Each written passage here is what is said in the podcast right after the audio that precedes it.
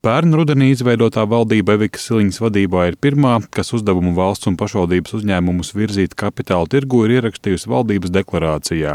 Tā tad ir cerība, ka politiķi beidzot ķersies klāt šim jautājumam, kas ir atlikts jau gadu desmitiem. Biržā kotējuma uzņēmumu saraksts gan vismaz pašlaik ir īss. Šim solim vistuvāk ir Nacionālā avio kompānija Air Baltica. Tālākā, vēl nezināmā nākotnē biržā kotēt varētu arī telekomunikāciju uzņēmums TET un LMT. Tāpat arī nesen dibināto Latvijas energo Latvijas valsts mežu pārvaldīto uzņēmumu Latvijas vēja parki. Tiekot skatīts arī variants, ka šī uzņēmuma vienīgais kapitāla daļa turētājs būtu Latvijas energo. Latvijas vēja parku iesaisti akciju tirgos uztver kā loģisku soli papildu kapitāla piesaistēji atjaunojamās enerģijas ražošanas attīstībai.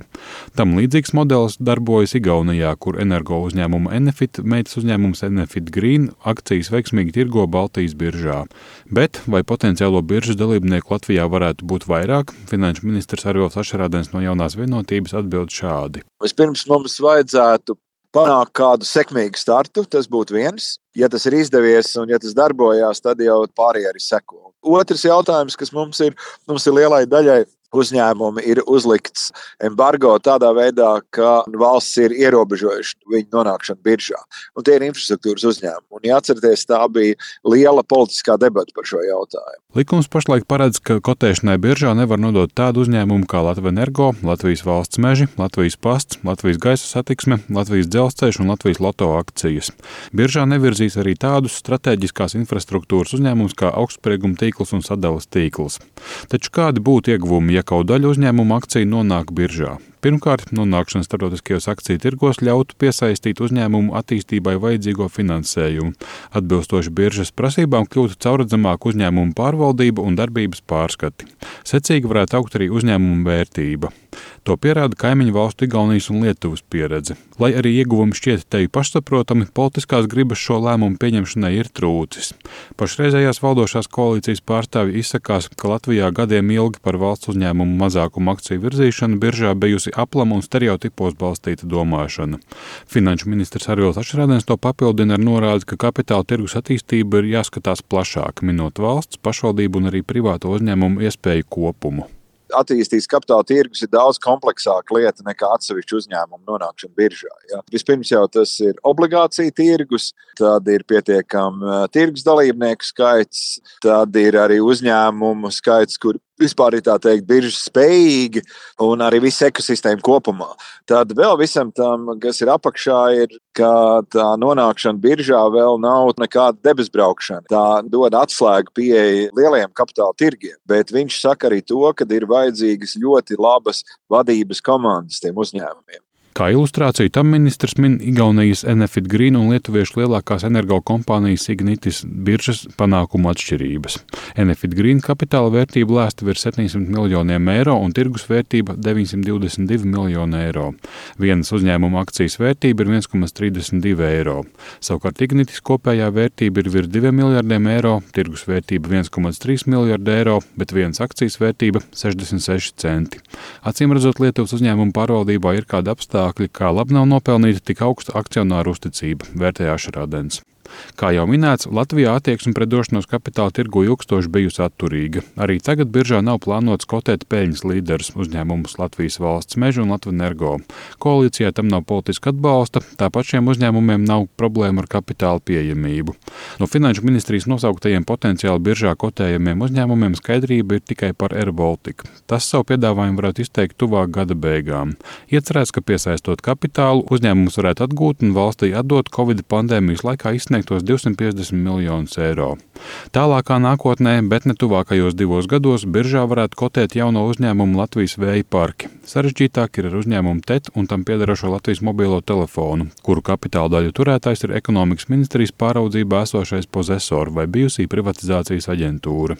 Tikšot pasūtīts starptautisks atzinums par šo uzņēmumu pārvaldību un nākotni, ņemot vērā arī otrā īpašnieka Telija viedokli.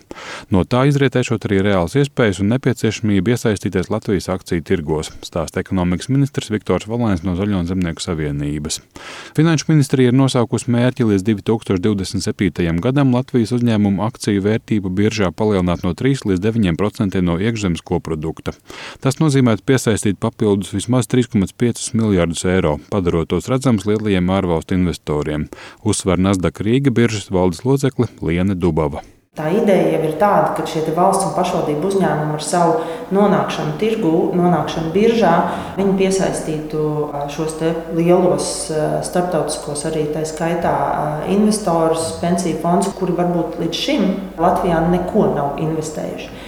Un tad ir daudz vieglāk viņiem piedāvāt arī nākamo, un nākamo un nākamo iespēju ieguldīt. Un tas savukārt padara arī privātam sektoram vieglāk šo uzdevumu, šos ārvalstu investorus piesaistīt. Nu, tad mēs varam cerēt, ka arī privātais sektors uz, uz šī viļņa pievienotos. Nu, tad, tad mēs varam cerēt, jā, ka, tas, ka tas skaitlis beigās arī tiek sasniegts.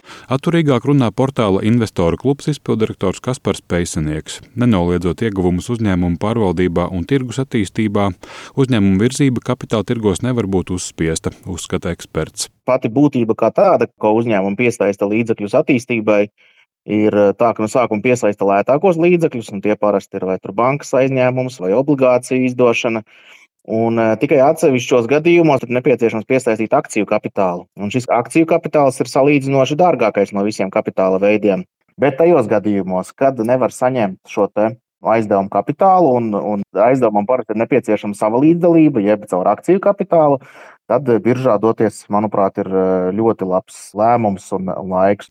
Pašlaik par iesaisti akciju tirgos nerunā Rīgas pašvaldība. Tās izpildirektors Jānis Lange sarunās ar Finanšu ministriju ir norādījis, ka obligāciju emitēšanai gatavojas uzņēmums Rīgas ūdens. Savukārt plānu virzīt daļu akciju biržā vismaz tuvākā gada laikā nav nevienam uzņēmumam. Kopumā es teikšu, tā mēs skatāmies pozitīvi uz kapitāla tirgus palielināšanu, bet nu, pirmais solis ir obligācijas, kas būtu jāpiesaista, lai varētu realizēt savu investīciju programmu.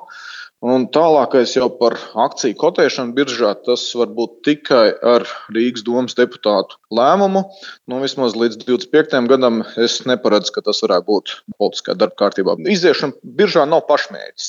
Bet mūsu mērķis arī, ka kapitāla sabiedrības ir tik labi pārvaldītas, lai tajā brīdī, kad paskam hop, mēs to salīdzinoši ātri varam izdarīt. Kapitāla tirgus attīstīšana Latvijā ir valsts ekonomikas veselības jautājums un iespēja izrauties no atpalicības. Tā savukārt uzsver INVL asset management vadītājs Andrejs Martīnovs. Pensiju fondu pārvaldītāji jau gadiem runā, ka ieguldot biržā kotētos pašmāju uzņēmumos, iegūtu visa vietējā ekonomika. Pašlaik šādu iespēju vienkārši trūkst.